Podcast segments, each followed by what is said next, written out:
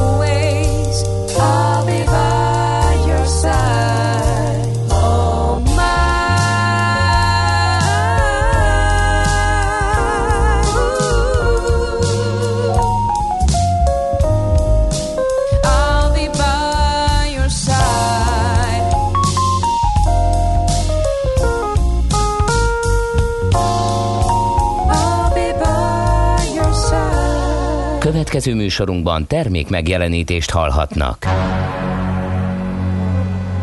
A 90.9 Jazzy bemutatja Egy zűrös városban, ahol semmi sem biztos. Csak az adó? Mondom semmi. Ahol a kisbefektetőket senki sem védi meg a tőzsdei kilengésektől, és a sikátorokban leselkedik a kíméletlen hozamgyilkos. Csak négy férfi múlik a közbiztonsága. Hadnagy urak, merre vannak? A mindenre elszánt és korrumpálhatatlan alakulat vigyáz a rendre minden reggel. Ezek az állati nyomozók? Négy férfi egyeset és egy nyalóka. Ács Gábor, Gede Balázs, Kántor Endre és Mihálovics András. Az íróasztal mögül pedig Profit kapitány diktálja a tempót. Humor, emberi sorsok, közönséges bűnözők és pénz, pénz, pénz. Egy különleges ügyosztály. A Gazdasági Muppet Show minden hétköznap reggel a 90.9 Jazzin. De is figyelj, ne csak a bárányok hallgassanak. De miért? Ha nincs pénzed azért, ha megvan, akkor pedig azért. Millás reggeli. Szólunk és védünk. Szép jó reggelt kívánunk, ez tehát itt a Millás reggeli, 6 óra, 31 és fél perckor. Milyen nap van ma? Öm, Kedd. Ked. Köszönöm szépen, Mihálovics András segített nekem ebben. És én Ács Gábornak segítettem ebben. Jó reggelt kívánok én is a kedves hallgatóknak valóban. Nagyon szépen Jól. köszönöm a kedvességedet, úgyhogy ez fontos számomra mindig, hogyha a kollegialitásnak ilyen szintű bármilyen formát érzékelem irányomban, úgyhogy ez megalapozza a napomat. Kedves hallgatók, a legfontosabb információ, hogy az András által mindjárt elmondandó szám, az csak telefon, vagyis SMS szám, illetve Viber, mert hogy még mindig nem sikerült összekalapálni a Whatsappot, úgyhogy de hamarosan majd, ha sikerül egy frissíthető, modern készülékbe majd pedig kivágni a simkártyát, amelyik abba belehelyezhető, szóval ilyen elég vicces problémákkal küzdünk, de rajta vagyunk, eh, Zsoc kollega intézi a dolgokat, de még nem ma lesz, úgyhogy a- az üzeneteket tehát a nem mondod, akkor én elmondom 06 30 20 10 9 es számra. A három csatorna közül erre a kettőre várjuk most. Tehát WhatsApp Igen, mert vártam, hogy feladod a labdát, aztán bebólinthassam az ígyszer, de nem ez történt. Helyett azzal vagyok elfoglalva, hogy a álomtündér eléggé megrendezte a rőzsémet, úgyhogy ezt a kis kacsafarkat innen majd el kell tüntetni, ami különösen nehéz, hogyha a kamerából ugye az inverzét látom annak, és tök máshol simogatom a fejtetőmet, mint ahol kéne. Hogy nem értettem, uh, hogy mi, miért, mi történik, igen, hogy a másik felé, igen, jó, oké, így már világos. Mindegy, hát itt tartunk most. Nagyon helyesen jegyeztük meg, hogy 2021. január 26-a van, és a Paula és Vanda nevű ismerőseinket gratuláljuk meg, de kérem szépen a polikárpokat se feledjük el a tíciánokkal karöltve, e, és hát e, gyakorlatilag ideírta a szerkesztő úr, hogy Oberon és Titánia napja is egy napon, ezen a napon van rá, egy napon tehát. És ebből valami szándékosságot feltételez. Igen, igen. Nem, a Szent Iváni álom szereplőiről van szó, ugye? Uh-huh. És hát e, gondolom, hogy akkor ez nem véletlen. Nézzük, hogy mi történt január 26-án a nagyvilágban.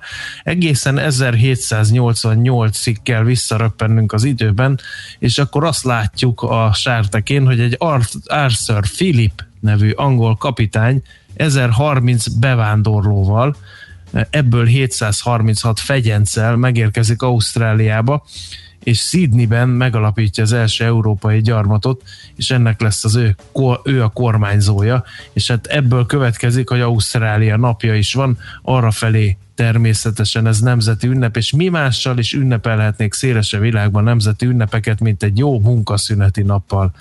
Úgyhogy az ausztrál ismerősöket ne felejtsük el meggratulálni. Azért egy kicsit árnyalja a képet ez a dolog, hogy csak 736 fegyenc volt az 1030 bevándorlóból, mert ugye az a hogy is mondjam, csak közvélekedés, hogy Ausztráliát a fegyencek alapították. Hát fegyencek is, vagy javarészt fegyencek, vagy nem tudom mi a helyes kifejezés ebben a, az esetben. No, és akkor a magyar sportnak is nagy ünnepe a mai, mert 1908. január 26-án Kronberger Lili műkorcsolyázó nő megszerezte a magyar sport történelem első világbajnoki aranyérmét. Erről egy korábbi adásban már beszélgettünk, úgyhogy ez egy nagyon fontos dátum, tehát a magyar sport történelemben, mint említettem, volt. Születésnaposok közül óhajtasz? Néhányat, igen, igen. Szabad választásod alapján, igen, pe, hogyne, persze. Jó, figyelj, én a ma 60 éves, bár az adásmenetben nem szereplő Wayne Gretzkit, a The Great Want gratulálnám meg. Minden idők egyik legponterősebb játékosa, sőt, legponterősebb játékosa, több tucat rekordot tart az NHL-ben. Hát ma ő jelentőségét mutatja, hogy amikor 1999-ben visszavonult az aktív játéktól, akkor a messz számát az egész ligában visszavonultatták, és még abban az évben beválasztották hamarjában a jégkorong hírességek csarnokában. Játékosként egyébként mindent megnyert, kivéve az olimpiát. És ő volt az egyetlen játékos az NHL-ben, aki 200 pontos szezont ért el, a híres mondása pedig ne oda korcsolyáz, ahol a korong van, hanem oda, ahova majd érkezik. Jó, okay. Nagy bölcsesség, mély sportolói Azt gondolnád, hogy ez első edzésen bármelyik edző elmondja neked, nem? Vagy ez... Igen, igen. Fú, azért furcsa, hogy így ez ennyire menő lett, és hozzákötik, igen. Igen. Szóval Wayne Gretzkivel kezdtem, mert hogy ráadásul neki kerek születésnapja van, és tényleg egy óriási alakja a sporttörténelemnek, és ha már Kronberger Lilliről megemlékeztünk, akkor eszembe jutott Wayne Gretzky is. Aztán kérjük a szóviccek mellőzését a kereszt neve okán.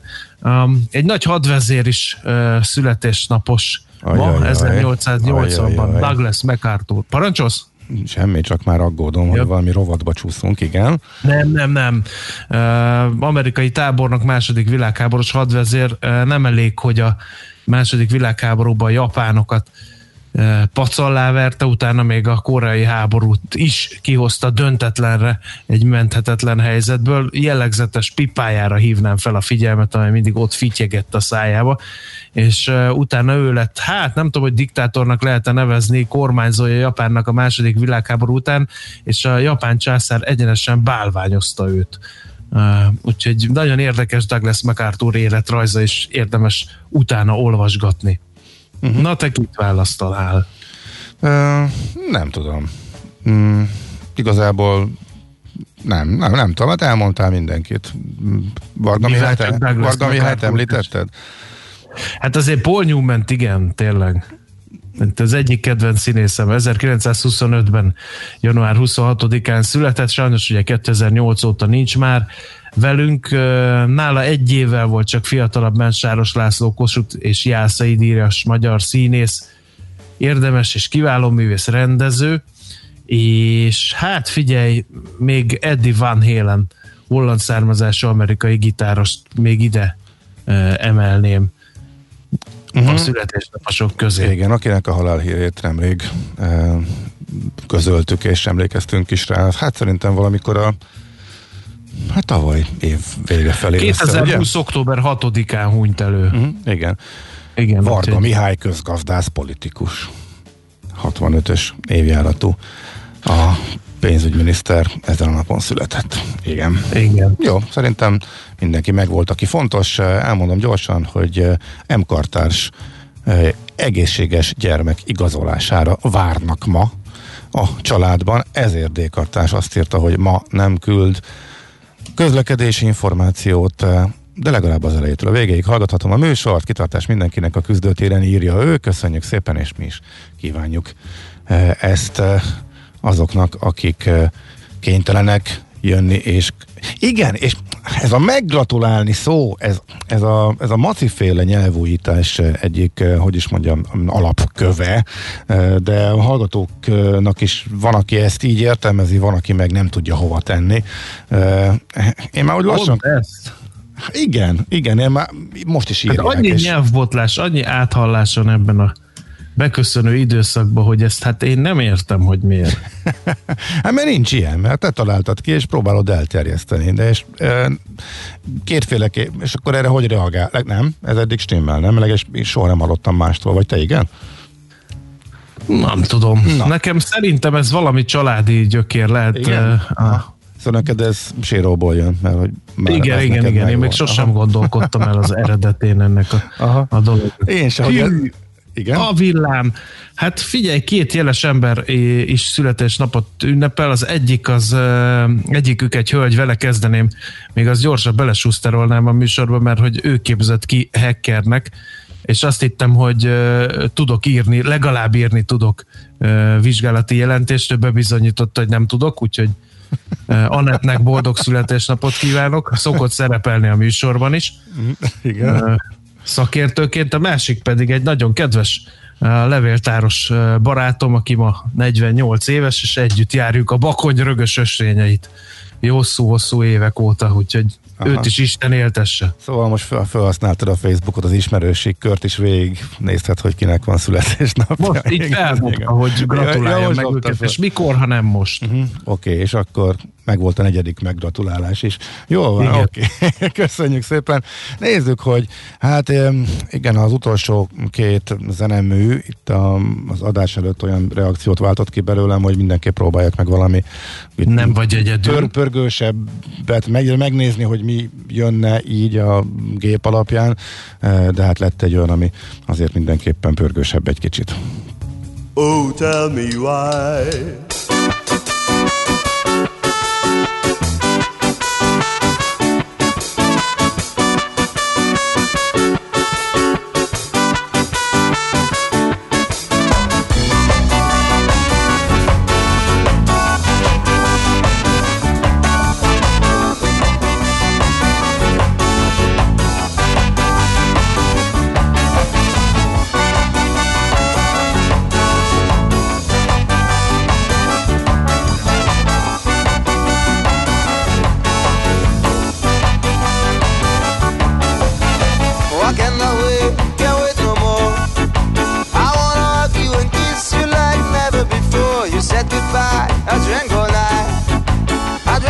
such keep messing up on the floor. I cannot wait, I cannot wait, I cannot wait no more. I wanna hug you and kiss you like never before. I feel the pain, so much pain.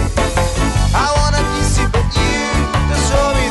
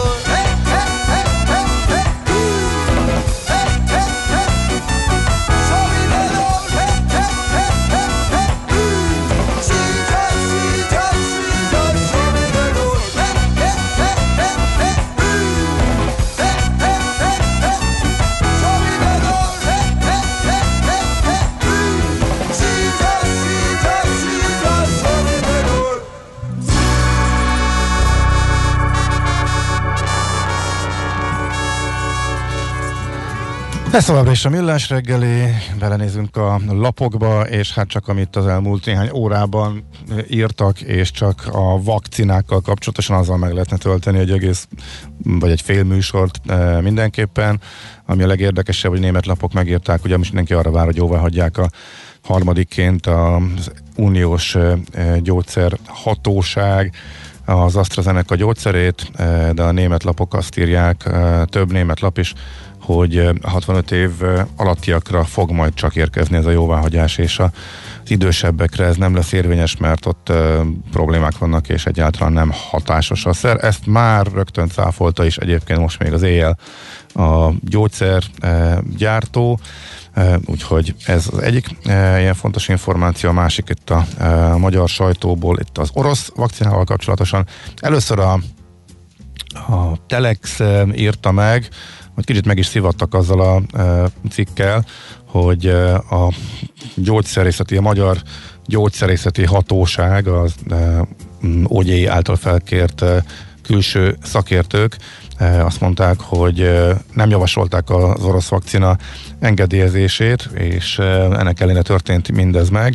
Na most ez egy egészen elképesztően hosszú cikk, amiben ezen az egy mondaton kívül egy szó újdonság nincsen, illetve háttér. E, Már a felénél tartottam, amikor gyanús volt, én ezt már egyszer olvastam, az egész a hétvégi cikknek a copypasztája volt, e, csak igazából a címben Hát lehet, hogy van A- ilyen az online sajtóban, Gábor, nem tudom, hogy ismered ezt, hogyha Hogy ne ismerem. Van egy olyan jelenség, hogyha valami egy jó, ö, valamit ö, egy cikk ö, mondjuk jó, meg fontosnak tartja a szerkesztőség, meg sokat dolgoztak rajta, és úgymond besül, Hogyne. akkor azt időnként el szokták még egyszer pattintani, mert sokszor teljesen banális dolgokon múlik, hogy egy fontos Hogyne, cikk tehát- eljut-e, vagy nem jut el elég emberhez. Ezt nyilván tudom, meg aki ezt olvassa először, ennek a háttereként jó volt, de én olvastam egyébként, és kiváló volt ez a cikk, eh, csak ugye ennél azt gondoltam, hogy az egy mondaton kívül, ami a mondás, azon kívül még van benne valami, és egyébként lett is, csak nem ebben, hanem egy másik cikkben, mert nem sokkal később, ugyanerről hozott kicsit több részletet, a 444.hu, eh, mégpedig azt, hogy múlt kedden volt ez a bizonyos tanácskozás, ahol az OGI által felkért külsős szakértők részt vettek, és az orosz vakcina a Sputnik engedélyezéséről volt szó. És öm, hogy mi volt a probléma?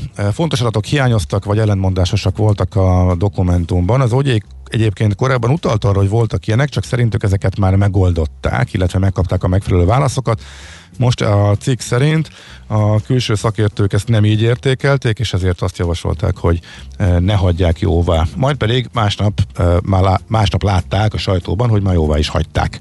És ezt követően viszont jelezték, hogy oké, okay, akkor viszont ők nem kívánnak részt venni az OGI külső szakértőjeként ebben a munkában, kvázi nem adják a nevüket ehhez a e, történethez. Na de hogy kik a nevek, azt meg nem lehet tudni, mert az meg titkos, és titoktartási kötelezettségük is van, e, úgyhogy ez sem derülhet ki. Úgyhogy továbbra is az van, hogy a magyar állam azt kéri, ez a magyar kormány azt kéri, hogy bízatok meg bennünk, e, nem kell tudnatok, hogy mi van a harmadik fázisú vizsgálat. Ja, azt meg onnan tudjuk, hogy egyáltalán a magyar hatóságok látták, hogy azt meg a tisztifőorvos nyilatkozta, de sehol nem nyilvános. E, Úgyhogy na ezek után javítsd az oltási hajlandóságot, tehát ilyenekkel. Igen, tehát ez, ez eléggé nem abba az irányba mutat, hogy ak- és akkor egészen finoman fogalmaztunk. Úgyhogy ez a legfrissebb információ az orosz vakcinával kapcsolatosan. Hallgató kérdezi, bocs, bocs, mindjárt mond csak erre próbálok válaszolni gyorsan, hogy mert fontos kérdés, hogy, és nem tudjuk a választ rá, hogy hello srácok, milyen idő, lehet már tudni, milyen idő, időzónában leszünk két hónap múlva, amikor a nyári időszámítás kezdődne? Nem. Nem tudunk semmit, nem jött róla semmi információ. Az biztos, Hát hogy, hogy nincs több. egyeztet, nemzetközi egyeztetéseket le kell folytatni. Igen, elvileg mindenki eldöntheti. Semmi hír nincs, igen. Igen. Tehát az Unió, Unió eldöntötte, hogy nincs több óraállítgatás. Ha valaki most átállítja, akkor azért állítja át, mert úgy marad. És akkor a nyárit tartja meg. Ha most nem állítjuk át, akkor úgy néz ki, maradunk a télibe, de miután össze-vissza akarnak az országok állítgatni, rájuk bízta, hogy egyeztessenek, hogy ne legyen az, hogy elindulsz innen nyugatra fel, és akkor egyszerre kettőt előre, kettőt vissza, egyet előre, hogy minden országba eh, állítgatni kell, mert most azért nagyjából egység van egészen Spanyolországig eh, innen. Most nem kell állítani semmit, hogy nehogy ebből káosz legyen. Aztán ez történt, megtörtént, többet már nem lehet állítani, egyeztesetek, és nyilván mindenki van foglalva mással, elsősorban a járványkezeléssel, úgyhogy ez nem tudunk erről semmit. De egyébként jövő héten kinyitnak-e az iskolák, meg kinyithatnak-e, meg mi nyithat ki, arról se tudunk semmit, de arról legalább azt tudjuk, hogy a hét közepén születik majd döntés, tehát azt majd holnaptól lesz érdemes figyelni, amikor a kormányülés van. Na bocs, akkor mit láttál? Horvátország 2023 elején már euróval fizethet, a kritériumokat az idén teljesítik. A kérdés az, hogy a folytatódó korlátozások mekkora kiadást és hiányt okoznak, és mit szól majd ez az Európai Bizottság. Úgyhogy a horvát jegybank stabilan tartotta eddig a kunát, és további felértékelődési nyomásra is számítanak pedig, amit eddig piaci devizaeladásokkal kezeltek, de nem készülnek arra, hogy újraértékeljék a fizetőeszközt az euróra váltáskor. Ez a ez a, a világgazdaság címlap sztoria, akiknek nyilatkozott Boris, Boris Vujicic, a Horvát Nemzeti Bank elnöke, aki egyébként tegnap lámfalusi díjat is kapott, és erről a nyilatkozatról jutott eszébe a népszavának, hogy vajon eh, nálunk mikor lesz euró, hát ők arra következtetésre jutottak, hogy évről évre egyre távolabb a magyar euró. Eh, Bulgária és Horvátország két év múlva bevezetheti a közös pénzt, a magyar gazdaságpolitika viszont hosszú távon is a leértékelésre akar támaszkodni, írja tehát a népszava. E, és hát ebben viszont semmi új nincsen, mert hogy eddig is ezt kommunikálták Magyarország, hogy még nincs itt az ideje az euró bevezetésének, és valóban azt is lehet tudni, hogy a leértékelés az egy komoly fegyvere a magyar gazdaság politikának, amivel pörgetni szeretnék az exportot. Aztán a Népszava címlapján felügyelt falugondokokról is írnak, államosítaná a képzésüket a kormány, legalábbis volt olyan szakértő, aki így értékelte a népszavának a változásokat. Eddig civil szervezetek képezték a községek mindeneseit, de már elvették a feladatot, és a megyei önkormányzatokra bízták a felkészítések megszervezését. És hát természetesen ilyenkor, ahogy lenni szokott, a tananyagot is megváltoztatták. Aztán még egy érdekes kis színes hír, még mindig a népszavánál maradva azt ö, lehet olvasni alapban, hogy a hétköznapi csalódások ö, nevű ö, nagyon régi punk zenekar is bekerült a Raktár koncert programba, ö, és hát ugye ők nem a szép és visszafogott stílusokról híresek punk zenekar lévén, hát nem ismertek rá a saját videójukra, mert hogy kivágtak belőle részeket. Ez volt a legkisebb sérelem egyébként, amit, ami érte őket. Azon is meglepődtek, hogy bekerültek ebbe az államilag támogatott koncertsorozat fellépői közé, ám később jött a meglepetés, a kormánykritikus számaik nincsenek a felvételen, a bandát kísérő bohócot pedig megverték.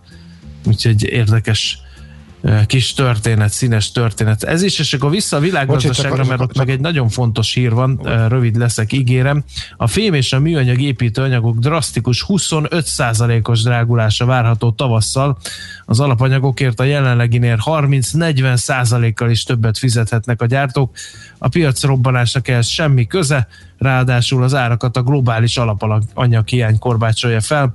Az állami lakásfelújítási támogatás önmagában nem drágítja az építőanyagokat, a termékek kétharmadánál csak az elmúlt években szokásos 5-10 százalékos áremelkedés valószínű. Ezt Tibor Dávid, a Masterplast elnöke is megerősítette alapnak.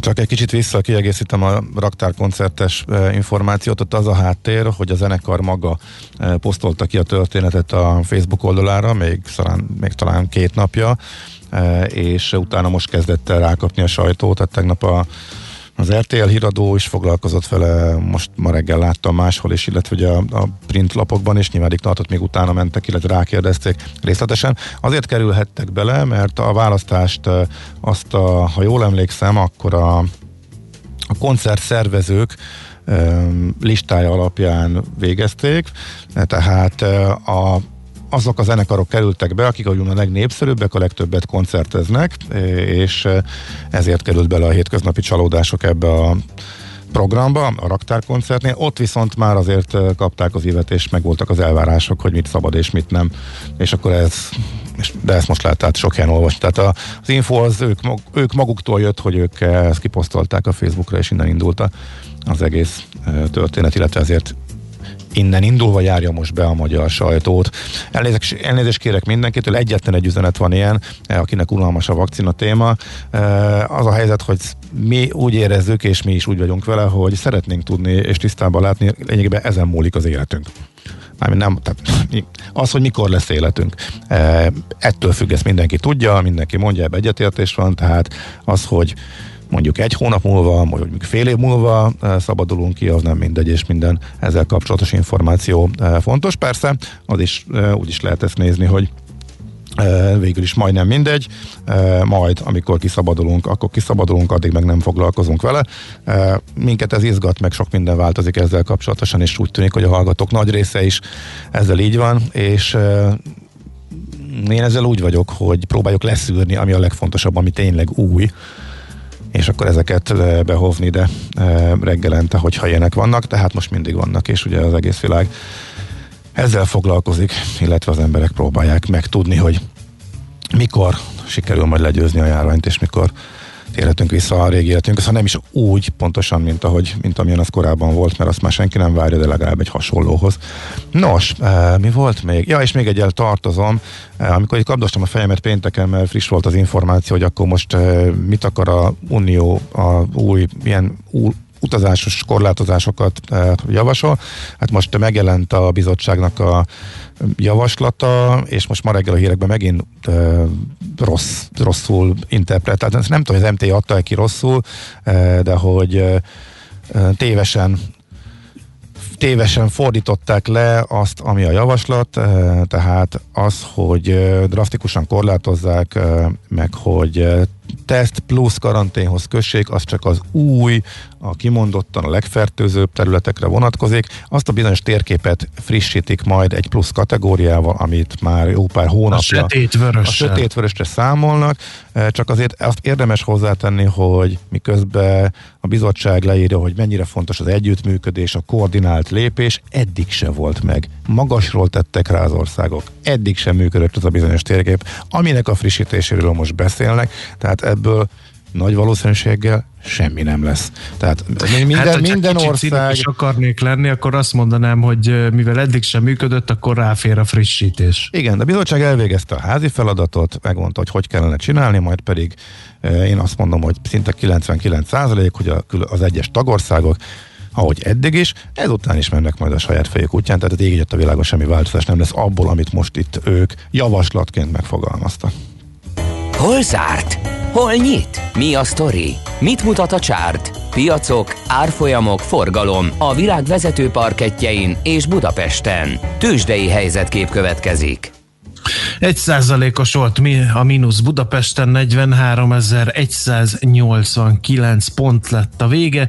A vezető papírok közül kettő eset, kettő meg erősödött. Hát el bizonytalanodtam, mert az erősödött a Telekom esetében ez az 1 százalékos felfelé gyötrődés, csak azért volt, hogy meglegyen a kereken 400 forintos záróérték és hát a molnak a 0,7%-os mínusza sem igazán nagy esés, ott is beleszerelmesedtek a számokba, a befektetők 2222 forinton zárt ugyanis az olajpapír.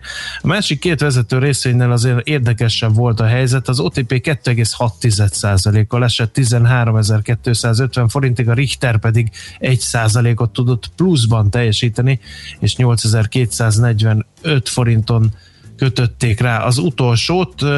A Masterplus-ot megint elő kell vennünk, mert elég derék forgalomban felzárkozott ugye sokszor a blue chipekhez. Most elmaradt a forgalom a vezető részvényekétől, de 1,3%-ot tudott felfelé menni. De kérem szépen, mi ez, mi ez a DM kerhez képest, amelyik 68,3%-ot ment fölfelé, igaz, uh, 8 milliós forgalomban meg a Megakrannak is óriási rali ja, volt tegnap 22,6%-kal ment fölfelé az árfolyama, ott 19 millió forintos forgalom volt, úgyhogy ezek a legfontosabb hírek. Nézem még az esőket, tehát a Rámának volt egy egy 3,2%-os mínusza értelmezhető forgalomban, meg az Opusnak egy 2,9%-os mínusza. Hát sajnos a vakcina hírek eh, beférköztek a tőzsdére is, mert a nap egyik nagy nyertese a Wall Street-en a Moderna volt, azt követően, hogy közölte, hogy a brit, illetve a dél-afrikai vírusmutáció ellen is jó a vakcinája, 12,5% ot ugrott az árfolyam, ez a 147 dollár szerintem új történelmi csúcs. Itt majdnem százig lejött egyébként néhány hete, úgyhogy onnantól indult el újra, és akkor még innen pattant egy nagyot, emlékeim szerint. Igazából három kategóriát emeltek ki a szakértők, akik látványosan mentek fölfele, amúgy mert a piac nagyjából nulla környékén volt, illetve kis pluszban, a Dow Jones mínuszban, az S&P kis pluszban, és a technológiát már mutatja a nasdaq a szárnyalása, tehát szokás szerint a megatech cégek, úgy, úgy is, mint Apple, Tesla, minősítetik föl őket a gyorsjelentési szezon előtt, illetve egyre magasabb célárakat hoznak az elemzők pont az emelkedést, emelkedéssel párhuzamosan. E, aztán a nagyon biztonságos e, közműcégek volt egy másik csoport, nagyon jól teljesítettek, e, illetve a nagy sort állományjal rendelkező cégek elkezdték kirázni a sortosokat a gatyájukból, ahogy azt nagyon szakszerűen Gede kolléga szokta megjegyezni, ezek ugrottak nagyot, mert elunták a az esésre játszó befektetők, illetve elérte az emelkedés azt a határt, ahol már pánikszerűen menekültek a, a pozíciókból, mert hogy a Wall Street nem tud esni, akármi történik. Európa esett, Wall Street esésre állt, és azonnal belevettek a befektetők, mint ahogy az elmúlt néhány hónapban szinte mindig a legkisebb esésnél is megjönnek a vásárlók, és hajtják újabb és újabb csúcsokra a tőzsdét, tehát nem állt le. A tavalyi évről sokat beszéltünk, hogy extrém volt, hogy egy ilyen évben, illetve ilyen gazdasági helyzetben annyira eső, zuhanó cégprofitok mellett is elképesztő száguldás volt a Wall Street-en. Most már idén újabb 6%-kal, illetve 3%-kal van följebb a Nasdaq, illetve az S&P. Tőzsdei helyzetkép hangzott el a Millás reggeliben. Hű, de elszaladt az időnk, úgyhogy szerintem gyorsan konferáljuk fel Schmidt Andit, mert ő fog híreket mondani, aztán pedig jövünk vissza Budapest rovatunkkal, ébresztő témánkban pedig a szálloda piacról fogunk egy kicsit beszélgetni majd. Műsorunkban termék megjelenítést hallhattak. Tervezés, szervezés, irányítás, ellenőrzés. Kössük össze a pontokat. Logikusan, hatékonyan. Észjáték. A Millás reggeli logisztika rovata minden kedden 3.49-kor. Együttműködő partnerünk a Váberes csoport, Magyarország első számú logisztikai szolgáltatója. Hírek a 90.9 Jazzin. Egyre több helyen alacsony a vírus koncentrációja a szennyvízben. Kihirdették a keresztféléves ponthatárokat. A következő napokban még marad a télies idő, többfelé várható havazás is. Jó reggelt kívánok a mikrofonnál, Schmidt Andi. Egyre több településen alacsony a szennyvízben mért koronavírus koncentráció. Ez azt jelenti, hogy a járvány második hullámának lecsengő szakaszában vagyunk, közölte a Nemzeti Népegészségügyi Központ. Azt is hozzáteszik azonban, hogy továbbra is fontos a járványügyi szabályok betartása. Újabb vakcina szállítmány érkezik a héten, közölte az országos tisztifőorvos. A Pfizer-től 36 ezer ember oltására elegendő mennyiséget kap Magyarország, a Moderna pedig 9 ezer embernek elegendő vakcinát küld a hétvégén. Létrejött az idei bérmegállapodás, ez szerint 4%-kal nő a minimálbér és a garantált bérminimum. Februártól a minimálbér bruttó 167.400 forintra, a garantált bérminimum bruttó 219 ezer forintra emelkedik. Ha a kormány évközben csökkenti a szociális hozzájárulási adót, akkor további 1%-os emelés is lesz. Mészáros Melinda a Liga szakszervezetek elnöke elmondta, hogy nem elégedettek, de az érintett több mint egy millió munkavállaló érdekében belementek az egyességbe. Az idei bérmegegyezést a Magyar Szakszervezeti Szövetség ugyanakkor nem írta alá. Nyilvánosságra hozták a felsőoktatási keresztféléves ponthatárokat a felvi.hu oldalon. A keresztféléves felvételi eljárásban csak nem 6500-an jelentkeztek valamelyik felsőoktatási intézménybe. Ebben az eljárásban csak mesterképzéseket hirdettek meg állami ösztöndíjas formában. Mindenki csak egy helyre nyerhetett felvételt. A jelentkezők legkésőbb február másodikáig kapnak értesítést arról, hogy hova vették fel őket. Másfél hónapja nem volt ilyen kevés új fertőzött a briteknél. A kórházban kezeltek száma is jelentősen csökkent, írja az MTI. A brit egészségügyi minisztérium tegnap esti ismertetése szerint az elmúlt 24 órában 22.195 új fertőzöttet azonosítottak. Ez december óta a legalacsonyabb napi adat. A hónap elején még 60-70 ezer között mozgott az új koronavírus fertőzöttek száma. Matt Hancock elmondta, hogy az elmúlt egy hétben két és fél millió embert oltottak be az Egyesült Királyságban. Ezzel szemben rekordmértékben mintegy 94 ezerrel nőtt a regisztrált koronavírus fertőzöttek száma a hétvégén Spanyolországban, derül ki az egészségügyi minisztérium összesítéséből. A járvány egy éve alatt csak nem 2,6 millió fertőzöttet szűrtek ki, és több mint 56 ezren vesztették életüket. A kedvezőtlen járványügyi adatok miatt Valencia tartományban tovább szigorították az egészségügyi óvintézkedéseket. Tilosak az otthoni összejövetelek és két külön háztartásból legfeljebb ketten találkozhatnak nyilvános helyen. Az 50 ezernél nagyobb városok területéről hétvégenként korlátozzák a szabad ki- és belépést. Főként a virtuális térben rendezik csütörtöktől az idei Sundance Filmfesztivált a Utah állambeli Park City-ben. A független filmes seregszemle idén a megszokottnál is nagyobb figyelmet kap, mivel a díjszezon filmjei közül eddig alig néhányat lehetett korábban moziban megnézni. A február harmadikáig tartó filmustrán 72 játékfilmet láthatnak a nézők. És végül az időjárásról. Ma országszerte számíthatunk több-kevesebb napsütésre, majd délutántól a Dunántúlon beborul az ég, és ott húzáporok is kialakulhatnak. Erős lesz az északnyugati szél. 0 és plusz 5 fok között alakul a hőmérséklet. A következő napokban lehűl az idő, és már több felé várható havazás is. Köszönöm figyelmüket, a hírszerkesztő Csmittandit hallották. Budapest legfrissebb közlekedési hírei a 90.9 Jazzin a City Taxi Dispécsejétől. Jó reggelt kívánok a kedves hallgatóknak! Lezárják a buszsávot az Üllői úton befelé a Nagykörút után és kifelé a Vágóhíd utca után, mert javítják a burkolatot. A 11. kerületben a Hérics utcában a Táncos utcán elútszűkületen kell áthajtani, mert beszakadt az úttest illetve toronydarúbontás miatt lezárták a hatodik kerületben a Paula Jade utcát, a Hegedű utca és a Liszt Ferenc tér között. A Hegedű utca Zsák utca lett, oda csak a célforgalom hajthat be. Balesetmentes utat kívánok Önöknek! A hírek után már is folytatódik a millás reggeli, itt a 90.9 jazz Következő műsorunkban termék megjelenítést hallhatnak.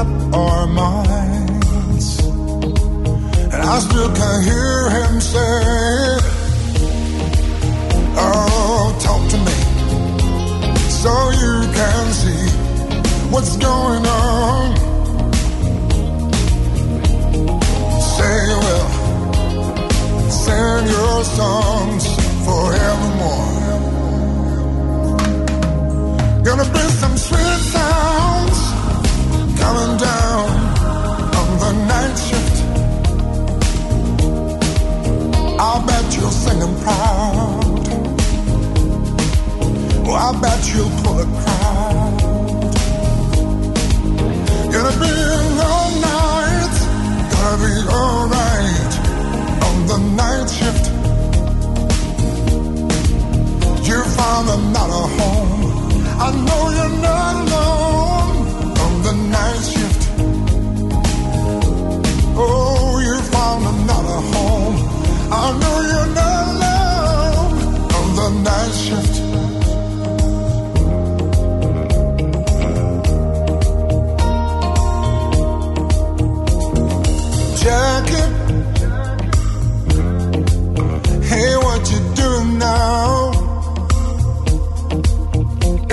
seems like yesterday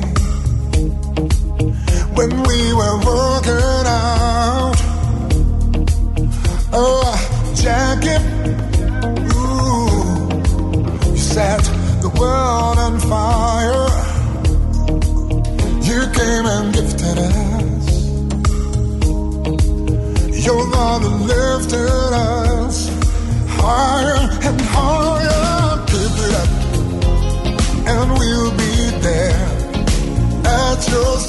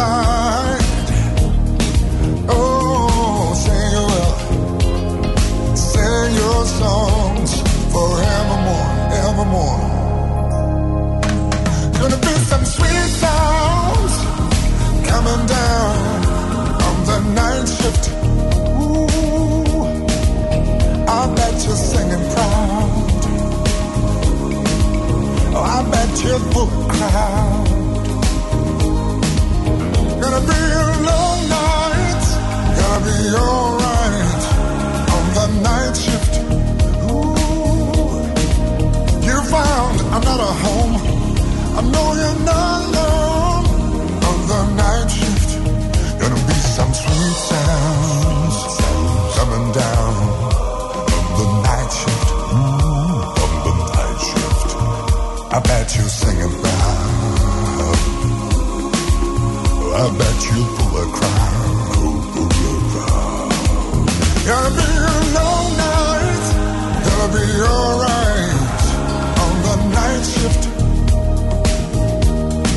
You'll find another home. I know you're not alone on the night shift. Gonna miss your sweet voice, that soulful voice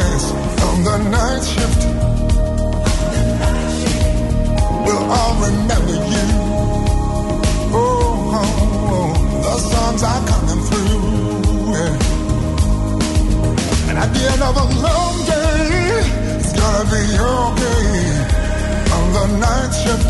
Ooh, you find another home.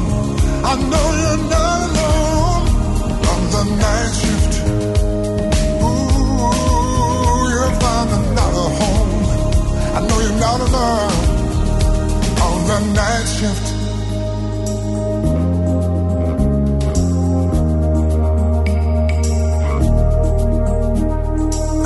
Not alone on the night shift. A reggeli rohanásban könnyű szemtől szembe kerülni egy túl szépnek tűnő ajánlattal. Az eredmény krétával körberajzolt tetemes összeg. A tethelyen a gazdasági helyszínelők, a ravasz, az agy és két füles csésze és fejvállalakzat. A lehetetlen küldetés megfejteni a Fibonacci kódot. A jutalom egy bögre rossz kávé és egy olyan hozamgörbe, amilyet még Alonso Mosley sem látott. Millás reggeli, a 90.9 Jazzy Rádió gazdasági mapetsója. Vigyázat! Van rá engedélyünk! Folytatódik a millás reggeli. Szép jó reggelt kívánunk. Ismét 7 óra 15 perckor Mihálovics András jelentkezik. És Ács Gábor is jelentkezik. Jó reggelt kívánok én is a egybegyűlteknek. A közlekedési információk legyenek-e? Hát fussuk át őket gyorsan, igen.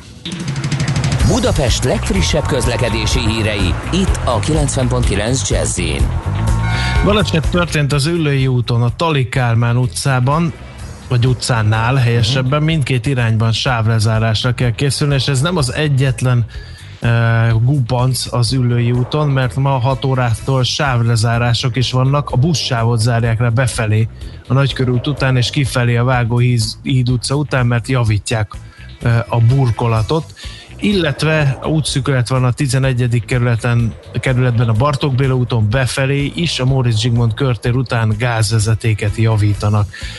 Csepelen pedig a Kolozsvári utcát zárták le a Katona József utcánál csatorna javítás miatt, ezért a Rákóczi tér felől az Zsák utca lett.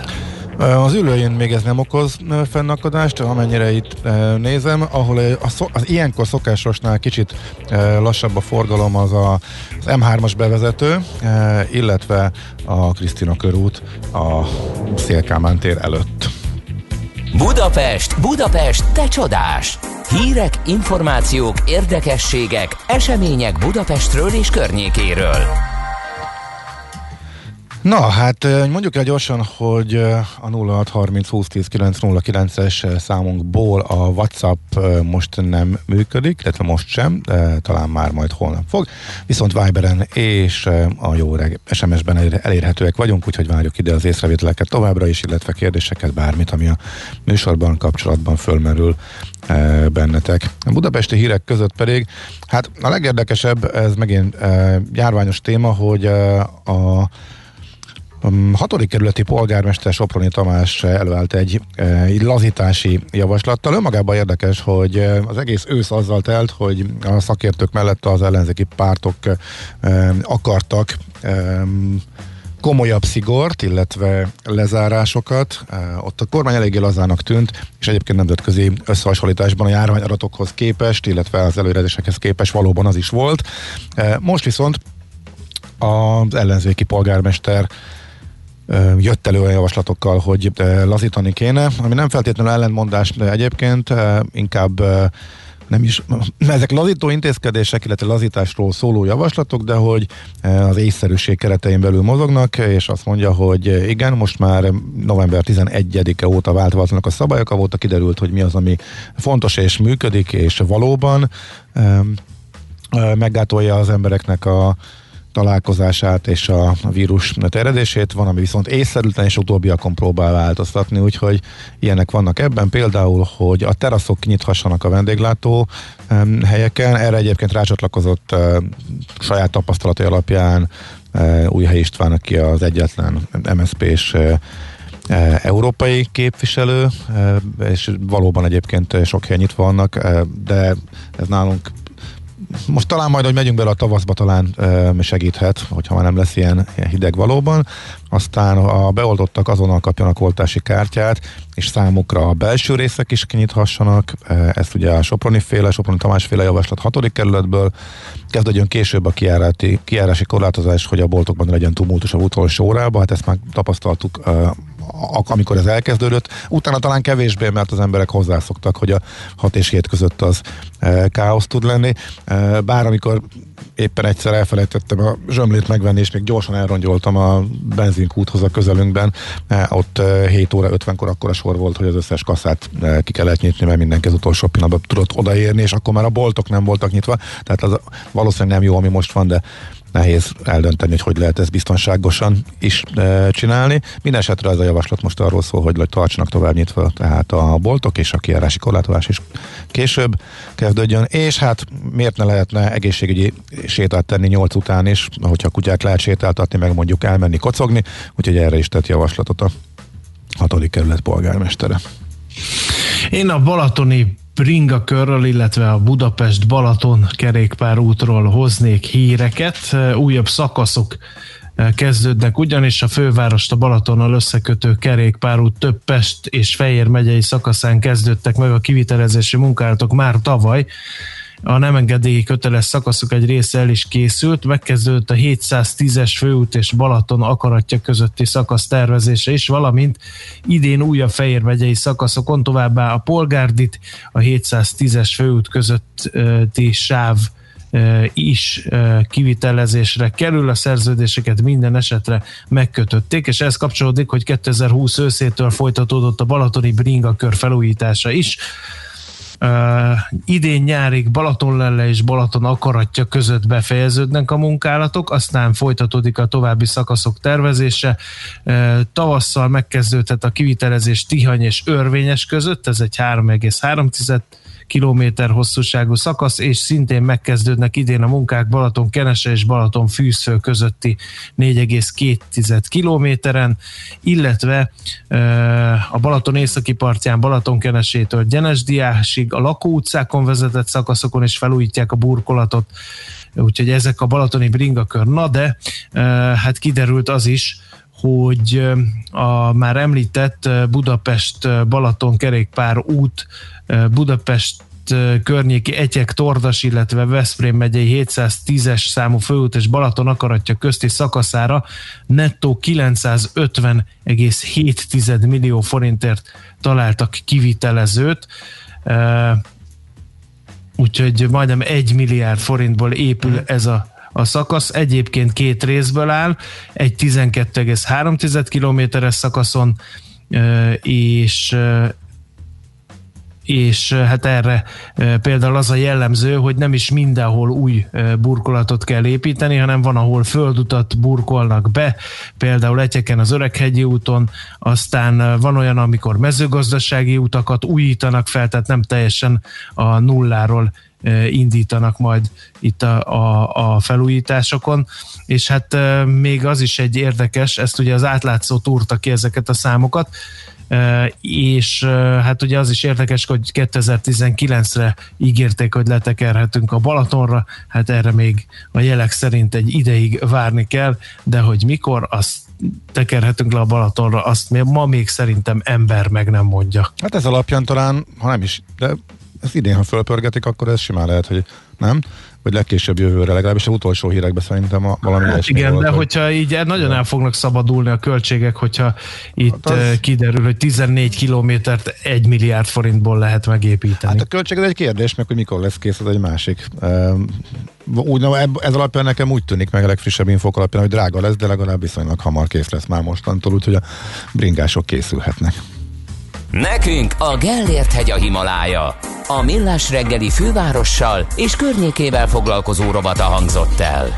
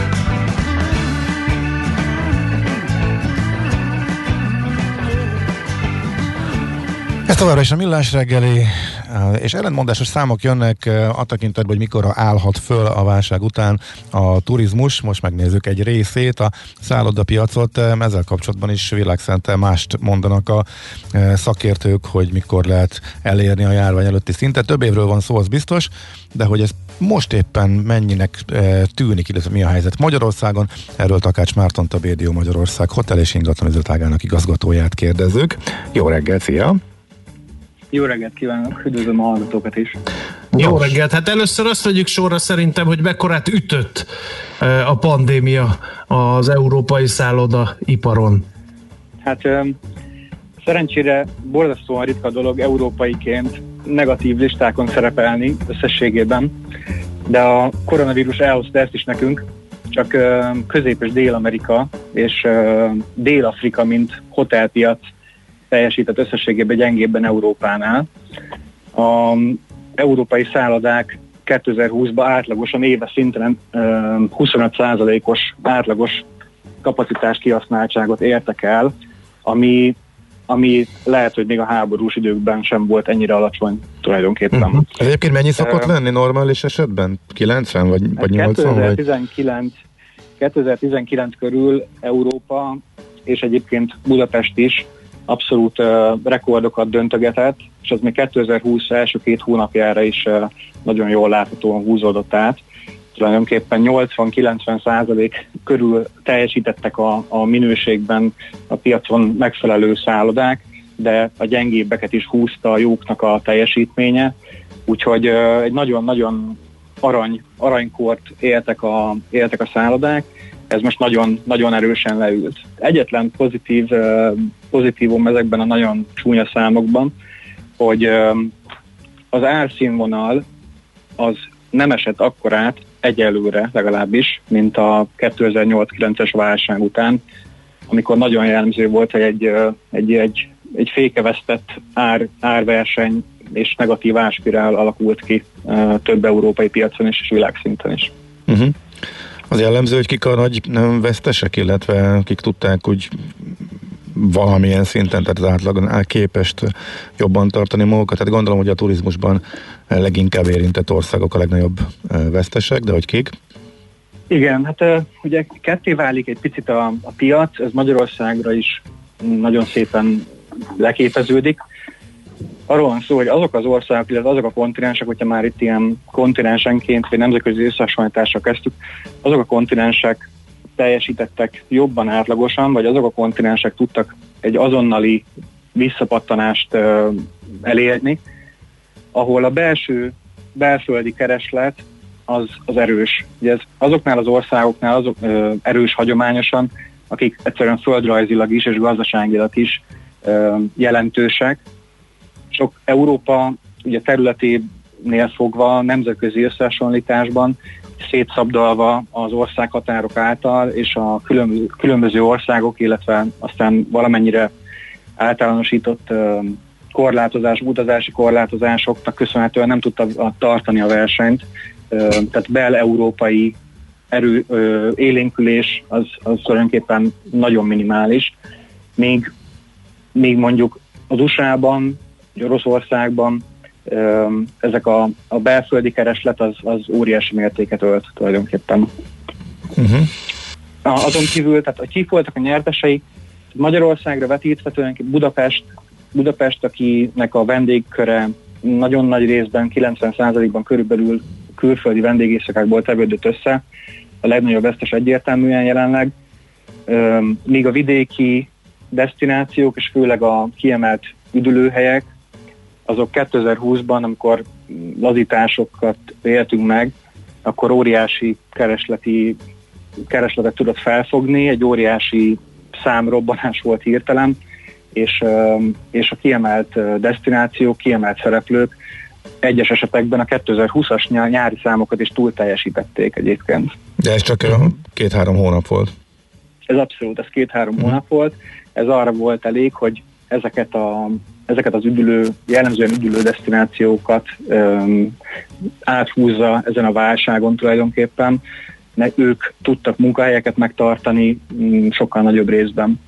Egyébként uh-huh. városi szállodák, akár Budapestről beszélve, akár vidéki uh, megyeszékhelyekről, vannak olyan szállodák, ahol, ahol az üzleti kereslet egy, egy minimális uh, részarányban fent tudott maradni, itt, uh, itt akár EU-s, akár NGO, akár NATO, akár WHO uh, és egyéb szervezeteknek a, a kereslete, akik ilyenkor különböző válságokban, vagy akár háborús időkben a szállodákban megjelennek. Tehát a szállodák normál esetben nem, nem zárnak be, még háború idején se, erre nagyon sok nemzetközi tapasztalat van, de de a pandémia nyomán rengeteg szállodának be kellett zárnia, viszont akik nyitva tudtak maradni, úgy látjuk, és a nemzetközi felmérés is van erre az STR nevű adat benchmark cégtől, hogy azok a szállodák, akik nyitva tudtak maradni,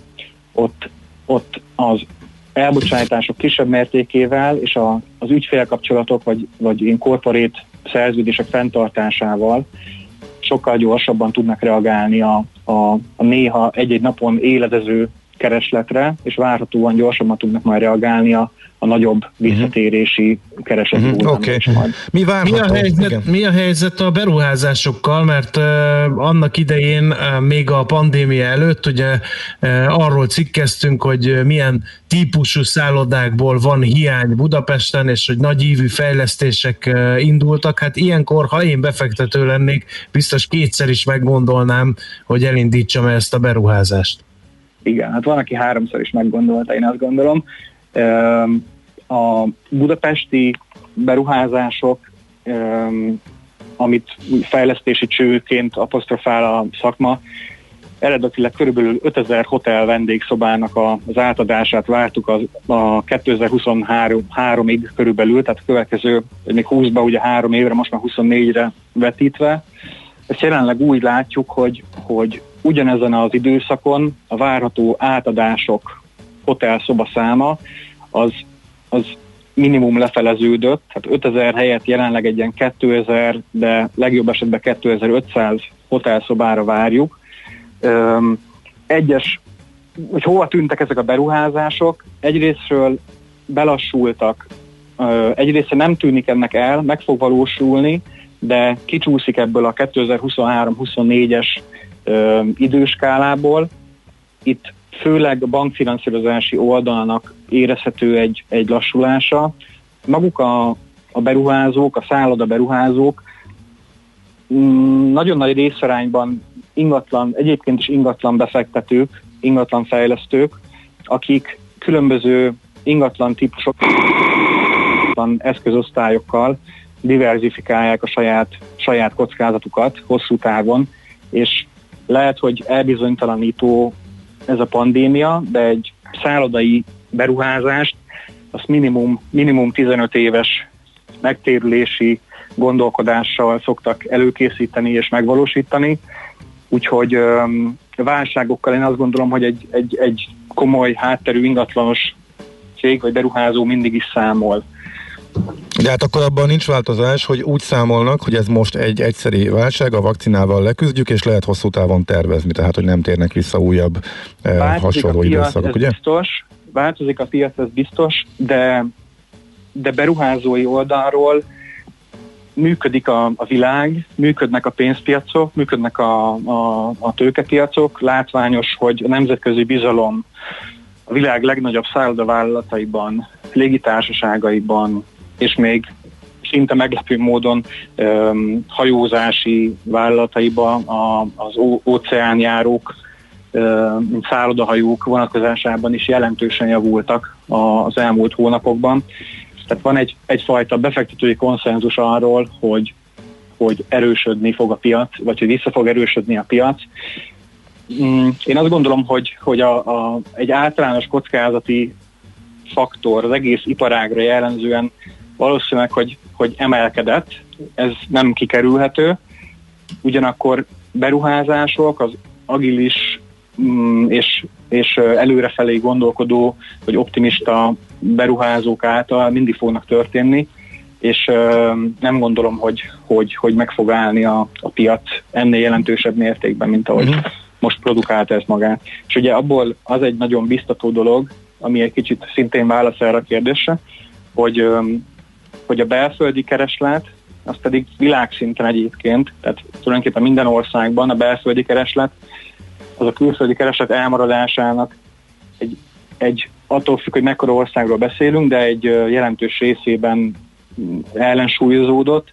Ugye Magyarországon is a, a belföldi kereslet tulajdonképpen ahogy volt rá lehetőség, azonnal visszapattant, és ez egy kicsi példa, és nem boldogítja jelenleg mondjuk a budapesti, budapesti szálloda tulajdonosokat, vagy akár dolgozókat, vagy finanszírozókat, de azért ez mégiscsak egy jel, hogy az embereknek az utazás, vagy utazási hajlandósága az megvan. És lehet, hogy nem mindenkinek személyesen, de az emberek egy nagyon nagy részének van igénye, és talán egyre jobban most már van igénye, hogy húzódnak a hónapok arra, hogy újra utaz, utazzanak majd.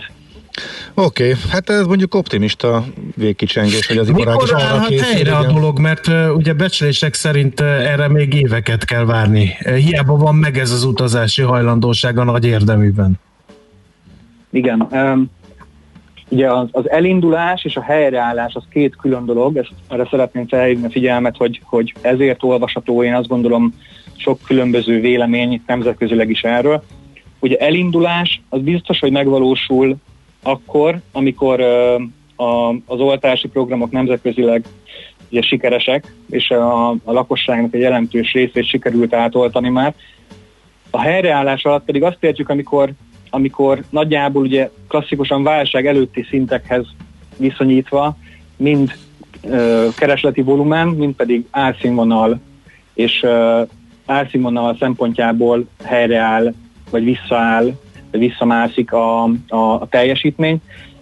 Azt gondoljuk, hogy ennek és a leg, tehát komoly nemzetközi háttér tanulmányai vannak ennek, hogy ez nagyjából 2023 második fél év, 2024 első fél év, amire a, és itt elsősorban olyan destinációkra, mint Budapest, tehát fővárosok nemzetközi kereslet által ö, érintett, vagy nagyban érintett destinációk, amíg visszamásznak, az, a, az az óriási hotel kínálati kapacitás, amik, amik ezekben a nagyvárosokban, metropoliszokban, a világ, világszerte ö, ott állnak jelenleg üresen, amíg ez a rengeteg ö, szálloda újra teljes körülön megtelik élettel, és egészségesnek mondható árszinten tudják eladni ezeket a vendégszobákat, az, az biztos, hogy egy legalább három éves hosszú, hosszú út, egy lépcsőzetes, lépcsőzetes út, de én azt gondolom, hogy hogy ez csak felfelé vezethet uh-huh. ez az út. Hát így legyen, kívánjuk mindenképpen, és már ne szóljon közbe semmi, ami esetleg ezen változtat a negatív irányba. Köszönjük szépen, hogy átbeszéltük ezt a témát, szép napot, jó munkát kívánunk! Nagyon köszönöm, örültem megosztani ezt a gond, ezeket a gondolatokat veletek. Sziasztok! Szia, szia! Takács Mártonnal a BDO Magyarország Hotel és Ingatlan üzletágának igazgatójával beszélgettünk az elmúlt néhány percben, és azonnal a rövid hírekkel folytatjuk, utána pedig természetesen jövünk vissza. Műsorunkban termék megjelenítést hallhattak. Reklám Early Bird kampányjal elindult a Margit Szigeti Szabadtéri Színház jegyértékesítése. Készüljünk együtt a nagy találkozásra. Már a nyár, az igazi élmény a Margit Szigeti Színházban. A Margit sziget tündérkertjében ünnepelt popstárok, filmzenei, klasszikus és rendhagyó koncertek, opera, musical és balett bemutatók ünnepelt királyai és királynői várnak rád. Hazai kedvencek és nemzetközi sztárok. Színház a szabadban, élmény minden szinten. Élj a lehetőséggel. Early információk www.margitszigetiszínház.hu az induló élmények hangja, melyet most kedvező finanszírozási konstrukció keretében tapasztalhat meg. Használja ki a limitált számú BMW-hez elérhető ajánlatot, és legyen az öné a BMW 1 vagy épp a BMW 2 Grand Coupé modell akár 0% THM-mel. A tájékoztatás nem teljes körű. További információkért kérjük forduljon a Wallis Duna hivatalos BMW márka kereskedéshez. Budapest, Könyves Kálmán körút 5. Reklámot hallottak. Rövid hírek a 90.9 Jazzin. Egyre több településen alacsony a szennyvízben mért koronavírus koncentráció. Ez azt jelenti, hogy a járvány második hullámának lecsengő szakaszában vagyunk, közölte a Nemzeti Népegészségügyi Központ. Azt is hozzátették azonban, hogy továbbra is fontos a járványügyi szabályok betartása. Újabb vakcina szállítmány érkezik a héten, közölte az országos tiszti főorvos. A Pfizer-től 36 ezer ember oltására elegendő mennyiséget kap Magyarország, a Moderna pedig 9 ezer embernek elegendő vakcinát küld a hétvégén. 10 millió forint értékűre becsült festményeket árverez el a Nemzeti Adó és Vámhivatal. Volt tulajdonosaiktól köztartozások miatt foglalták le a képeket. A 20. századi magyar festészet meghatározó alakjaitól származó műkincsekre március elejétől lehet licitálni. Több mint 2600 digitalizált hangfelvételt tett online elérhetővé az Országos Széchenyi Könyvtár. A hangtár elnevezésű digitális adatbázisban a Színház történet és zeneműtár gramofon lemez gyűjteményének archív hanganyagai, magyar szerzők műveit és magyar előadók felvételeit tartalmazzák, amelyek 1904 és 1962 között jelentek meg. A legkorábbi felvételeken a legendás színésznőt, Blaha Luizát hallhatják az érdeklődők a hangtár.oszk.hu honlapon. Lengyelország keleti részén áramkieséseket okozott az intenzív havazás. A kárpátaljai vajdaságban több helyen leszakadt a villanyvezeték, több mint 40 ezer háztartás maradt áram nélkül. A tűzoltókat 180 alkalommal riasztották, főként a leszakadt faágak és a kidőlt fák által eltorlaszolt utakat tették járhatóvá. Nálunk ma országszerte több-kevesebb napsütésre számíthatunk, majd délutántól a Dunántúlon beborul az ég, és ott húzáporok is kialakulhatnak, és erős lesz az északnyugati szél. 0 és plusz 5 fok között alakul a hőmérséklet. A következő napokban lehűl az idő, és többfelé várható havazás is. Köszönöm figyelmüket, a hírszerkesztőt Schmidt-Tandit hallották. Budapest legfrissebb közlekedési hírei, itt a 90.9 jazz jó reggelt kívánok! Baleset nehezíti a közlekedést a fővárosban az Üllői úton a Talikálmán utcánál, ahol emiatt mindkét irányban sávlezárásra és fennakadásra kell számítani. Torlódásra készüljenek a Nagykörúton szakaszonként, illetve a Hungária körgyűrűn is. Lassan járható a Pesti alsórakpart, a Szent István parktól a Lánchídig, a Budai alsórakpart pedig a Petőfi hídnál észak felé. Erős a forgalom a Múzeum körúton is az Asztória előtt, valamint a Rákóczi úton befelé befelé a Barostértől. Telítettek a sávok az M1-es M7-es autópálya közös bevezető szakaszán a Virágpiactól és tovább a Budaörsi úton is. Akadozik az előrejutás a 10-es főúton, az Ürömi úti körforgalom közelében, a 11-es főút fővárosi szakaszán, a Pünköstfürdő utca előtt befelé, továbbá nehezen járható az M3-as autópálya bevezető szakasza is a Szerencs utcánál, a Váci úton befelé a Gyöngyösi utcától, a nagyobb csomópontoknál szintén lassulásra kell készülni. Varga Etele, BKK Info. A hírek után már is folytatódik a millás reggeli, itt a 90.9 jazz Következő műsorunkban termék megjelenítést hallhatnak.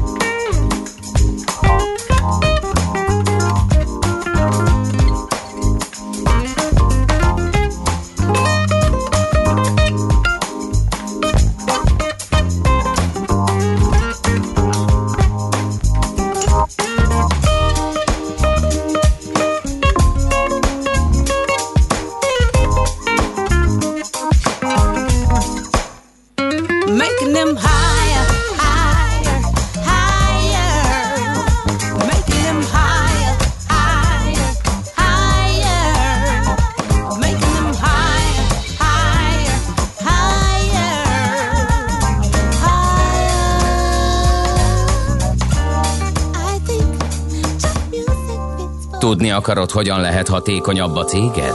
Yeah! Szeretnél több energiát jobban felhasználva versenyképesebb lenni? Fontos lenne, hogy pazarlás helyett a megtakarításon legyen a hangsúly. Akkor jó helyen jársz. Cégenergia. Céges energiafogyasztás, energetikai tudnivalók, teendők és döntések. Áram- és földgázvásárlás, energiahatékonysági megoldások és megújuló energiafelhasználás. A Millás reggeli üzleti energiafogyasztás rovata.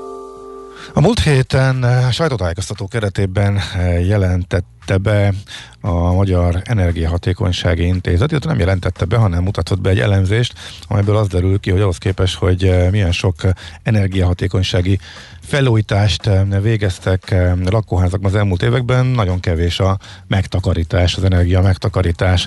Ugye erről beszélgetünk most a, MEFI, a MEHI ügyvezető igazgatójával, Koritás Zsuzsannával, aki itt van velünk a vonalban. Jó reggelt kívánunk! Jó reggelt kívánok!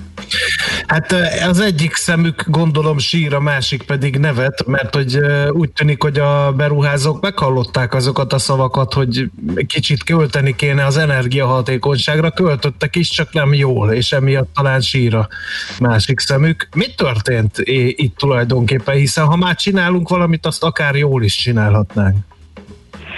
Ez, ez nagyon jó felvezető volt, köszönöm. Minket is meglepett egyébként ez az eredmény, mert egyáltalán nem számítottunk erre. Azt láttuk, hogy egy lakossági reprezentatív felmérést készítettünk, és azt láttuk, hogy a ö, hazai lakosságnak több mint a fele, tehát 57 a vég elmúlt 5 évben valamilyen energiahatékonysági felújítást. Itt ugye ö, hőszigetelésről beszélünk, nyílászáró cseréről, illetve fűtéskorszerűsítés, vagy használati melegvízrendszer korszerűsítésről és, és az azért lepett meg minket, mert ez egy, ez egy, ez egy nagyon nagy szám.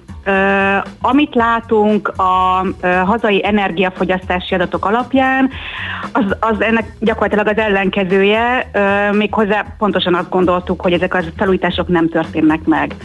Igen, a, amikor, a volt, amikor beszéltük, bocsánat, igen, igen, csak azzal folytattam hogy a kérdőívben pontosan azt is megkérdeztük, hogy, hogy milyen típusú felújítások történnek, és azt láttuk, hogy zömmel ezek egyedi, vagy ilyen részleges felújítások, amelyek nem is jelentkeznek említésre méltó energia csökkenéssel, tehát a válaszadóknak a több mint, több mint a fele nem jelölte meg azt, hogy ez járt valamilyen energiafogyasztás csökkentéssel. Um, igen, az ösztönzőket illetően egy pár szót még beszéljünk erről. Ugye amikor a rezsi csökkentésről szó volt, akkor sokan aggódtak, hogy hogyha az energia olcsó lesz, akkor, akkor nem fogunk költeni arra, hogy az energiával spóroljunk. Ezek szerint benne van ez az emberekben, hogy igenis kell ezzel foglalkozni, de ezt akkor mi mozgathatja? Hogyha még ugye az eredmények pedig azt mutatják, hogy számottevő energia felhasználás csökkentés nem sikerült elérni. Megtörténnek ezek a beruházások, legalábbis elég nagy számban, viszont ami még egy nagyon fontos eredményünk volt, hogy azt láttuk, hogy nem energiahatékonysági szempontból készülnek, tehát nem ezzel a fókusszal történnek ezek a beruházások, hanem sokkal inkább azért, mert mondjuk e, elő, előregedik, elavul egy rendszer, akár a gépészet, akár az épület szerkezet, vagy mert azt látja mondjuk a szomszédnál, hogy, hogy ő is szigetel, vagy legfeljebb azért, mert úgy érzi, hogy nem elég komfortos, mondjuk húzatos, vagy penészes a háza. Tehát az, hogy, hogy ő ezt energetikai szempontból megnézesse, felülvizsgáltassa, és ilyen szempontból történjenek ezek a beruházások, na ez az, ami hiányzik. És pont ez lehet valószínűleg az oka annak, hogy, hogy ezek számottevő energia megtakarítás nélkül történnek. Viszont azért ez lehet egy jó hír, tehát ez, ez, ez egy nagyon fontos első lépés, hogy látjuk azt, hogy, hogy a szándék az megvan. Egyébként rákérdeztünk arra is, hogy a következő öt évben mennyien terveznek ilyen felújítást végezni, és több mint a, a válaszadóknak az egyharmada válaszolta, tehát ez is egy nagyon szép szám, tehát látjuk, hogy azért a szándék megvan, sőt emelkedik is. Egy öt évvel ezelőtti felméréshez képest akkor is lemértük ezt a hajlandóságot, és ahhoz képest is egyértelműen növekszik ez a felújítási kedv. Úgyhogy ez egy olyan jellemző gyakorlatilag, amit nagyon érdemes lenne kihasználni. Tehát valahogy azt, azt az üzenetet kell kellene eljutatni a, a, a felújítókhoz és a lakossághoz, hogy nagyon érdemes, ha már erre adják a fejüket, akkor nagyon érdemes ezt úgy csinálni, hogy energetikussal felméretni, és leginkább ö, ha van erre lehetőség és mód, akkor az úgynevezett komplex felújítások, vagy a mély felújítások felé elmenni, tehát minél inkább arra törekedni, hogy, hogy úgy újítsunk fel, hogy nem csak egy-egy szerkezeti elemet, vagy egy-egy gépészeti elemet, hanem a teljes háznak a, a, az energetikai mutatója, az energiafogyasztása ö, tudjon ezzel csökkenni. Uh-huh. Itt az a, A- pro- én két problémát van, látok van erre, hirtelen. van erre motiváció, és van erre ö, ö, úgy látszik, hogy hajlandóság is. Hát megnéztük azt is, hogy azok, akik a jövőben terveznének felújítani, ezek is egyébként többnyire egyedi intézkedések lennének. Megnézzük, hogy különböző pénzügyi ösztönzőkkel lehetne esetleg ezek a mély felújítások, ezek a komplex felújítások felé terelni ezeket a beruházásokat. Rákérdeztünk kedvező kamatozású piaci hitelre, hogyha ez elérhető lenne, akár a 0%-os, ö, tehát a kamatmentes hitelre, áfa csökkentésre, ugye a felújításra, ugye új építésekre, ugye van, volt és van is 5%-os áfa, azt gondoltuk, hogy megnézzük, hogyha esetleg ezek felújításra érhetők lennének, akkor az mennyire motiválna, és természetesen rákérdeztünk a visszanemtérítendő támogatásokra is, 30 és 40 százalékos visszanemtérítendő támogatásra, és, és azt láttuk, hogy természetesen ez mondjuk nem lepett meg minket, a leginkább a, a visszanemtérítendő támogatások mozgatnák meg a lakosságot, de elég nagy számmal és nagy arányban válaszolták azt, hogy bizony akkor kibővíteni a, az egyedi beruházását komplexebbre, hogyha rendelkezésre állna ilyen ö, ö, támogatási lehetőség. Na, András, mondtad, hogy két problémád van. Az egyik pont ez a pénz, de az ugye félig meddig megválaszolásra került, hogy, hogy azért lehet, hogy lenne erre forrás. A másik viszont az, hogy, hogy a szakértelem hiánya mennyire jellemzi a beruházókat. Bevallom őszintén, nekem se rögtön egy energetikai mérnök az első gondolatom, amikor szóba kerül lesz, hogy akkor esetleg mondjuk szigetelni kéne a házat, hanem a centimétereken meg a, a szigetelő anyagon kezdek el gondolkozni. Igen, hát ez a jellemző egyébként mindenkire, vagy a legtöbb, legtöbbünkre ez a jellemző. Ö, azt kell tudni, hogy most pont, hogyha a szigetelő anyagról beszélünk, hogy mondjuk egy 10, illetve egy 20 centis ö, szigetelés anyagár különbs, különbsége az, ö, az maga a teljes beruházás költségéhez képest elenyésző, tehát pont ezen gondolkodni, hogy, hogy esetleg ezen spórolni, az, az a, talán a legnagyobb hiba, amit elkövethet egy, egy felújító, mert, mert pont akkor nem lesz olyan a, a végeredmény, tehát e- e- a, kisebb szigetelésen nem fog akkora energia megtakarítás járni. Nem pont erre gondoltam, hanem arra, hogy, arra, hogy maga a beruházásnak az elindítása, tehát az, hogy nézzük meg, hogy hol van a legnagyobb baj energetikai szempontból, és akkor lépcsőzetesen haladjunk, mondjuk, hogyha az, a, az ablakok a legproblémásabbak, akkor azzal, ha szigeteléssel azzal, ha gépészet azzal. Tehát, hogy ez a fajta gondolkodásmód mennyire van jelen a Ez még nincsen, nincsen jelen sajnos, pedig ez lenne az egyik legfontosabb üzenet, és egyébként egy, egy mondjuk egy visszanemtérítendő támogatás rendelkezésre állása, ami kifejezetten energetikai célú, tehát most ilyenről beszélek, az, az ezt a problémát is valamennyire meg tudná oldani és tudná kezelni, mivel hogy egy ilyen támogatás megpályázásához minden bizonyos szükség lenne arra, hogy, hogy egy előzetes energetikai terv készüljön, és egy olyan a, a, a terv az gyakorlatilag tartalmazza azt, hogy a, a beruházásokkal, a javasolt beruházásokkal és a tervezett beruházásokkal milyen energia megtakarítás tudna megtörténni. Ö, úgyhogy, úgyhogy ez tulajdonképpen egy, egy, ilyen, egy ilyen win-win szituáció is lehetne. Mhm. Mennyibe kerül ez, hogyha önerőből kéne fizetni egy ilyen energetikai audit?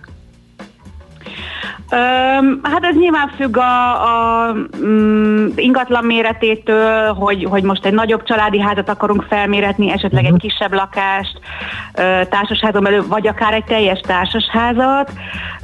Egy energetikai tanú, maga egy tanúsítvány, ami kifejezetten csak fölméri a, a, az épület energetikai állapotát, és mondjuk ugyan ad valamilyen javaslatot arra nézve, hogy milyen irányba lehet elindulni, de azért ez még nem egy részletes energetikai terv. Ez öm, nagyjából ilyen néhány tízezer forint ö, körül mozog uh-huh. ennek a költsége. A, a maga az energetikai tervnek ö, e- az, már, az már nyilván valamivel ö, nagyobb költség, viszont mindenképpen ö, azt mutatják a tapasztalatok, hogy ö, hogy olyan ö, akár költség, a teljes beruházásra nézve költségcsökkentő hatása is lehet, hiszen egy jól megtervezett beruházás, ami aztán tényleg valós energia megtakarításban tud ö, ö, megnyilvánulni, az ö, a, a, ott abszolút megéri az, hogy ö, hogy erre egy picit többet magára a felmérésre és a tervezésre befektessünk. Uh, Megéri ezt lépcső, lépcsőzetesen csinálni? Tehát van egy energetikai tervem, ami azt mondja, hogy gyakorlatilag energetikai szempontból élhetetlen a házam, annyi lezárok, a szigetelés, a gépészet, mindent kuka, és dobni kell. Ilyenkor van értelme olyat csinálni, hogy vagy ez az energetikai terv alapján van-e olyan javaslat ilyenkor, hogy akkor kezdjük az ablakokkal, folytassuk a gépészettel és fejezzük be majd a szigeteléssel, vagy ennek így nincs értelme, hanem inkább spórolni kell jó sokáig, és amikor összejött a teljes felújításra a pénz, akkor kell ezt meglépni. Egy jó energetikai terv ezt is tudja, tehát ö, mm, pontosan ö, erre is jó egy energetikai terv, hogyha hogy ö, javaslatot adjon arra nézve, hogyha nem áll rendelkezésre a teljes összeg, akkor milyen sorrendben érdemes a, a felújításba belefogni. Annyi, hogyha esetleg rend, viszont ha rendelkezésre áll, akkor azért érdemes egyszerre megcsinálni, mert, mert akkor több olyan költségen is esetleg tudunk spórolni. Mondjuk a, a felvonulás, a, a, az állványozás, tehát hogyha mondjuk szigetelni szeretnénk a, tetőt is, és a homlokzatot is, akkor ezt egyszerre csináljuk meg, akár a nyilászáró cserékkel, akkor nyilván néhány költségen tudunk spórolni, meg hogy egyszerre túl leszünk, igaz, hogy hosszabb ideig tart, de egyszerre túl leszünk ezen a nagy macerán, ami, amit egy ilyen felújítást tud okozni, tehát ebből a szempontból talán érdemes egyszerre, de, ha, de mondom, tehát egy jó energetikai terv azért erre is képes, hogy, hogy egy javaslatot adjon arra, hogy lépcsőzetesen hogyan érdemes felújítani. Jó, köszönjük szépen, kifogytam a kérdésekből, elgondolkodtató beszélgetés volt, remélem hozzám hasonlóan sokan tanultak is belőle. Köszönjük! Én is nagyon köszönöm. Szép napot, viszont hallásra! Köszönöm, viszont hallásra! Koriter Zsuzsannával, a Magyar Energiahatékonysági Intézet ügyvezető igazgatójával beszélgettünk arról, hogy bár költöttünk energetikai felújításokra mi magyarok, de ezek nem jártak azzal az eredménnyel, mint amivel járhattak volna. Céges energiafogyasztás, energetikai tudnivalók, teendők és döntések. A Millás reggeli üzleti energiafogyasztás rovata hangzott el. Honnan van a cégednek ennyi energiája? Hallgatóknak is van erre egy magyarázata, például, hogy eddig nem volt szigetelés, és csak 18 fokra tud, lehetett fölfűteni, aztán lett szigetelés, és 21 fokra is fölmegy, így nincs energia megtakarítás, de jobb a komfort. Úgyhogy van akiknél egyébként ez történhetett, tehát kifejezetten a szigeteléseknél a fölfűthetőség, ha van ilyen kifejezés, illetve a hőmérséklet javult. Hát vannak olyan országok a világon, ahol nem lehet fölfűteni télen 16-17-18 fok fölé, Európában is több is van, ahol még fűtés sincsen, de hát mondjuk ez nem teljesen ide tartozik. Nos, azt mondja, hogy melyiket akartam még? Igen, a kis színes. Felújítok egy 1957-es Orion rádiót, már megszólalt rajta a jazzy. Az de jó lehetett az a pillanat nekünk is szívben. Igen, szívben szakmai siker. Igen, igen, gratulálunk, és tök jól hangzik. Köszönjük szépen a hallgatónak ezt az észrevételt is. Na, most viszont az órára ránézve gyorsan elmegyünk, mert hogy Schmidt Andinak átadjuk a terepet, a lehetőséget, elmondja a legfrissebb híreket, és utána folytatódik a millás reggel itt a 90.9 Jazzin. Műsorunkban termék megjelenítést hallhattak. Reklám. Gondoltál már arra, hogyan lehetne ebből? Ez. Vagy ebből? Ez. Ha igen, mutasd meg nekünk! Az MVM Edison Startup versenyen azokat az ötleteket keressük, amelyek képesek befolyásolni a jövőnket, hogyan hasznosítsuk jobban az energiát, legyen hatékonyabb a munkánk és jobb a világunk. Jelentkezz 2021. január 31-ig a most induló és idéntől az érett szakaszban lévő fejlődő vállalkozásoddal is az mvmedison.hu-n.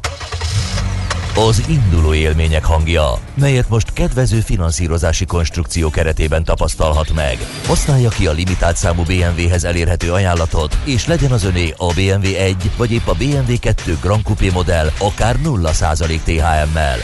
A tájékoztatás nem teljes körű. További információkért kérjük forduljon a Wallis Motorpest hivatalos BMW márka kereskedéshez. Budapest, Hungária körút 95. Reklámot hallottak. Hírek a 90.9 Jazzin. Újabb vakcina szállítmány érkezik a héten. A szenátus előtt a Donald Trump elleni vádeljárás. Hideg lesz ma is, de több helyen előbújhat a nap is. Jó reggelt kívánok a mikrofonnál, Schmidt Andi. Egyre több településen alacsony a szennyvízben mért koronavírus koncentráció. Ez azt jelenti, hogy a járvány második hullámának lecsengő szakaszában vagyunk, közölte a Nemzeti Népegészségügyi Központ. Azt is hozzáteszik azonban, hogy továbbra is fontos a járványügyi szabályok betartása. Közben újabb vakcina szállítmány érkezik a héten, közölte az országos tisztifőorvos. A Pfizer-től 36 ezer ember oltására elegendő mennyiséget kap Magyarország, a Moderna pedig 9 ezer embernek elegendő vakcinát küld a hétvégén. Az Európai Bizottság azt javasolta a tagállamoknak, hogy szigorítsák beutazási szabályaikat a koronavírus mutációinak terjedése miatt. A javaslatok szerint a tagállamokba az unión kívüli országokból csak az indulás előtt 72 órával elvégzett negatív tesztel lehet belépni, 10 és 14 nap közötti karantén kötelezettséget vállalva. A bizottság ezen kívül megtiltana minden nem elengedhetetlennek minősülő utazást az unión belül. Hosszú kocsisorok alakultak ki a cseh-német határbajorországi szakaszán lévő közúti határátkelőknél. Németország ugyanis magas kockázatú területnek nyilvánította Csehországot, ezért az országba való belépéshez negatív koronavírus tesztet kér. A német kormány döntése alapján Bajorország két naponta, míg Szászország hetente kétszer kér új tesztet a területen dolgozó csehektől. Az AstraZeneca szerint nem igaz, hogy a vakcinája nem működne az időseknél. Két német lap pont az ellenkezőjét állította. A Handelsblatt és a Bild is azt írta tegnap, hogy az AstraZeneca Oxford vakcina csak 8-10 százalékban hatékony a 65